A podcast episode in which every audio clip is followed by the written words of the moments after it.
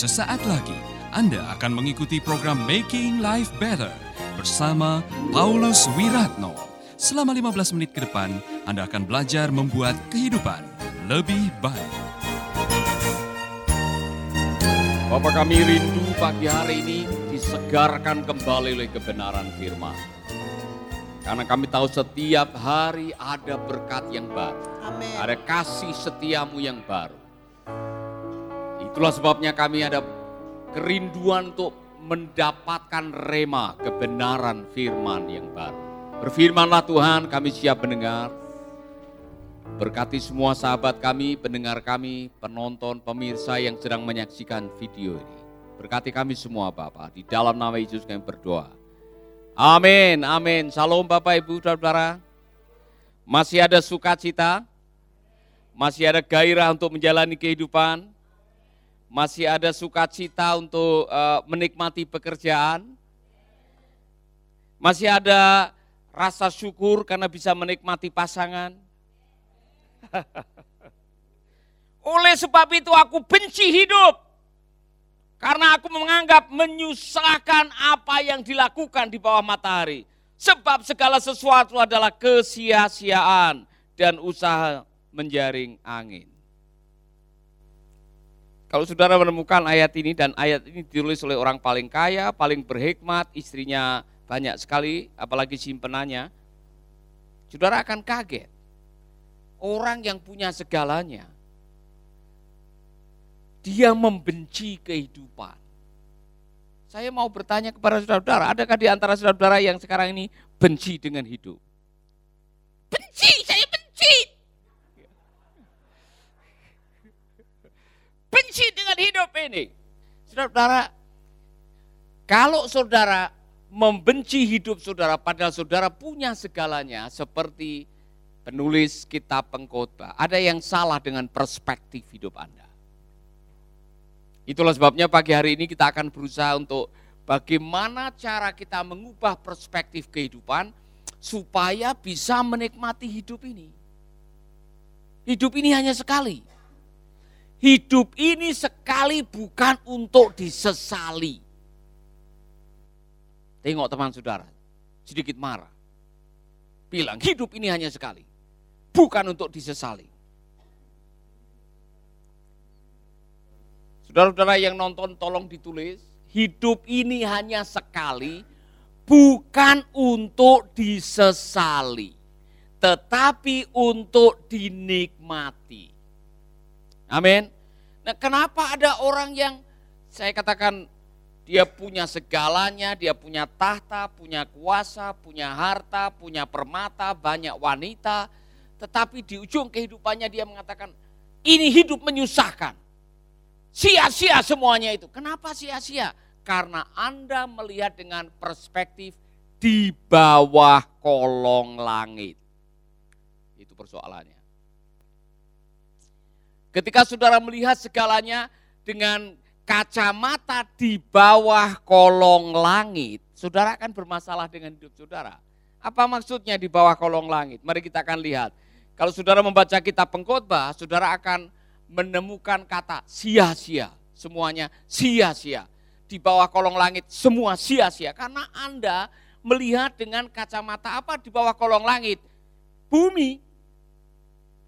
Kalau saudara melihat hidup dari perspektif bumi, perspektif yang fana, perspektif sementara, perspektif manusia, Anda pasti akan kecewa. Maka belajarlah melihat segalanya dengan perspektif di atas langit. Apa itu? Perspektif surgawi. Ketika Anda melihat segala sesuatu dengan perspektif surgawi, saudara sedang melihat kenyataan dengan kacamata Tuhan. Itulah wisdom. Apa itu wisdom? Melihat kenyataan dengan kacamata ilahi. Apa itu hikmat? Menerawang, menafsirkan semua yang terjadi dengan kebenaran firman. Kalau saudara melihat semuanya dengan kebenaran firman, saudara tidak akan melihat segalanya sia-sia. Sia-sia. Itulah sebabnya saudara-saudara, sekali lagi saya mau membagikan kebenaran ini yang saya dapatkan dari uh, renungan yang saya baca dan saya pikir ini bagus sekali karena ini akan menolong kita untuk menemukan kebenaran yang sesungguhnya bagaimana saudara menikmati hidup. Amin. Amin saudara-saudara. Jadi kalau ada orang yang punya segalanya, punya kesempatan untuk menikmati tapi selalu mengeluh, selalu tidak bahagia, ke sana kemari saudara selalu mengatakan aduh kenapa hidup saya terus begini. Saudara-saudara mungkin salah poin melihat itu segala, apa melihat kehidupan ini. Ini contoh.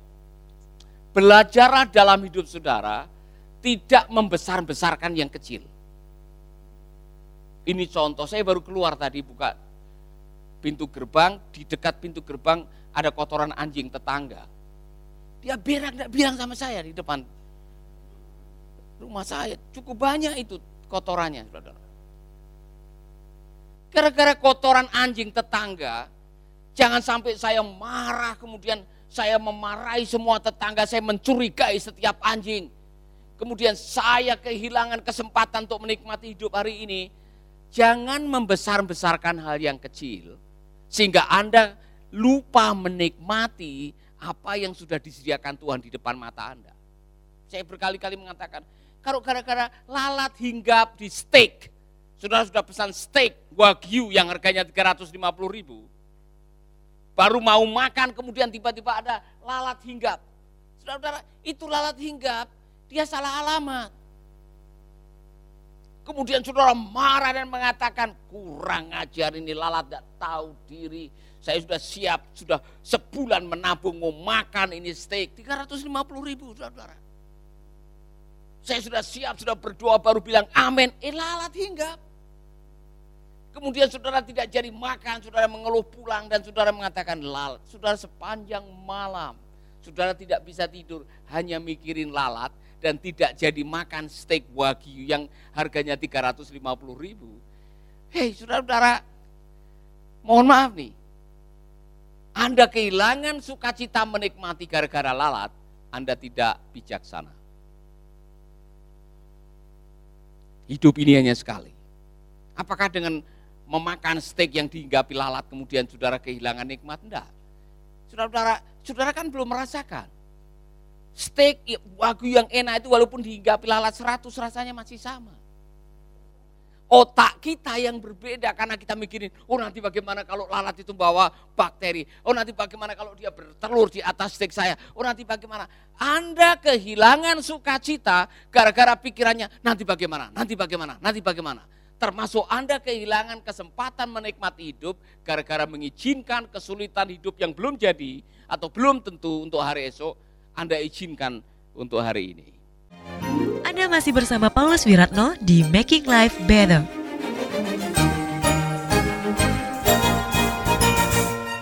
Maka dengarkanlah nasihat ini. Beberapa hal yang harus saudara belajar menikmati.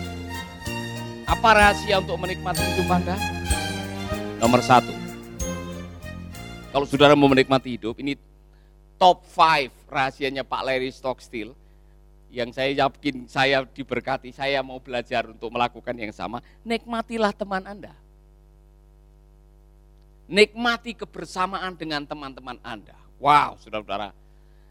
Saya betul-betul tercengang waktu mendengar seorang pendeta mengatakan sekarang ini di Inggris diangkat seorang menteri urusan kesepian. Serius saudara, ada menteri urusan kesepian karena di Inggris penduduknya disurvei 68 persen kesepian. Amerika sudah 53 persen. Ini aneh sekali. Saudara bisa nonton TV, bisa uh, barangkali punya HP, tetapi mungkin gara-gara semua online, orang kehilangan teman teman yang ada adalah teman maya. Di dunia maya, teman Anda belum tentu teman Anda yang friend dengan saudara, itu belum tentu teman Anda. Anda kan belum pernah ketemu. Ya kan? Maka saudara-saudara, carilah tiga teman seperti Yesus memilih tiga. Ada Yohanes, ada Petrus, ada Andreas. Core friends. Saudara, dalam hidup ini Anda perlu teman. Dan kalau saudara sudah menemukan teman, nikmatilah pertemanan Anda. Karena orang yang bahagia adalah orang yang sudah menemukan pertemanan. Apa gunanya punya segalanya dalam hidup ini tanpa teman? Saya kasihan pemuda yang kaya itu, tidak punya teman. Saya dengar dari Pak RT dia mati aja menguburkan dirinya sendiri. Kasihan hidup ini, Anda hidup sendiri tidak punya teman, tidak punya kawan, tidak ada asosiasi, tidak pernah ikut arisan. Ya kan? Nyanyiannya hanya satu, sendiri.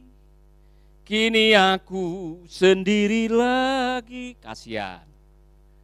Kasihan, saudara. Hidup sekali, nikmatilah pertemanan saudara. Amin. Amin, saudara. Saudara punya teman? Saudara punya teman dekat? Teman itu bisa memberikan kekuatan buat saudara. Teman bisa memberikan nilai tambah kebahagiaan dalam hidup saudara. Bergabunglah dalam kelompok kecil setiap minggu katanya. Punya kelompok kecil di mana saudara bisa tertawa bersama, menangis bersama, menikmati makan bersama, pijit bersama, ya kan? Luar biasa, mancing bersama. Ya, menjala ikan bersama. Saudara-saudara, saudara perlu memiliki teman. Dikatakan bahwa saudara-saudara Alkitab mengatakan berdua lebih baik dari satu. Ini adalah sinergi ketika efek gabungan lebih besar dari dua efek individu. Teman menciptakan kekuatan dan momentum yang tidak akan pernah bisa Anda capai sendirian. Seorang mengatakan begini, Anda betul-betul menjadi Anda waktu Anda bersama dengan teman-teman Anda. Itulah sebabnya Tuhan menciptakan manusia tidak satu. Itulah sebabnya Tuhan menghadirkan Anda dalam kelompok yang namanya keluarga. Karena Tuhan mau Anda bahagia bersama dengan orang-orang yang ada di sekitar Anda. Mohon maaf saudara-saudara yang single, hidup menyendiri, menjauhi kerumunan, tidak suka dengan manusia, akhirnya berkawan dengan Blacky. Saudara berkawan dengan Sniffer, dengan Goofy, atau dengan Subi. Ya kan?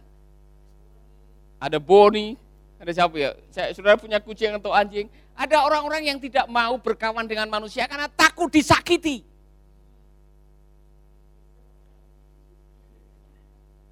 Ini resiko kita berteman. Tetapi jauh lebih banyak manfaatnya daripada mudaratnya. Jadi saudara, cari teman. Amin. Sudah punya teman? Teman yang membuat Anda bahagia kalau ada bersamanya. Yusua sudah ada teman? Oh, sudah ada. Ya. Luar biasa. Ada teman yang kalau kaum berdekatan membuat kamu berbunga-bunga. Ada. Nikmatilah pertemanan saudara. Anda yang anti teman bertobat. Sendiri itu kasihan saudara. Pernah ketemu dengan orang yang sendiri? Berdiri di tepi jalan. Menatap semuanya. Dan saudara anti orang. Saudara tidak akan bahagia. Mohon maaf. Konon orang yang kesepian cepat menuju kematian. Serius ini, kau tidak boleh ketawa. Kalau tidak percaya, sendirilah sampai akhir hidupmu. Yang kedua, nikmatilah pekerjaan Anda. Semua mengucapkan, nikmatilah pekerjaan Anda. Bagus sekali di sini, saudara. Kita semua tampak tidak puas dengan pekerjaan. Kami menginginkan pekerjaan yang lebih baik, jam kerja yang lebih baik, gaji yang lebih baik, tunjangan yang lebih baik, lingkungan yang lebih baik, tetapi lupa menikmati pekerjaan. Saudara hanya mikirkan kapan gaji saya naik, kapan kantor saya berubah, kapan sofa saya diubah, kapan meja makan berubah. Saudara lupa menikmati pekerjaan. Saudara, belajarlah menikmati pekerjaan. Ketika saudara bekerja seperti bermain, Anda sedang menikmati pekerjaan. Orang yang bahagia melakukan pekerjaannya lebih produktif. Sahabat, Anda baru saja mendengarkan Making Life Better bersama Paulus Wiratno.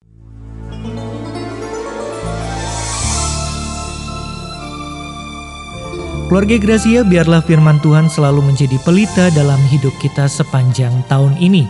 Dengarkan selalu radio Suara Gracia di 95,9 FM, streaming di suaragratiafm.com streaming atau dengan aplikasi Android Radio Suara Gratia yang tersedia di Play Store.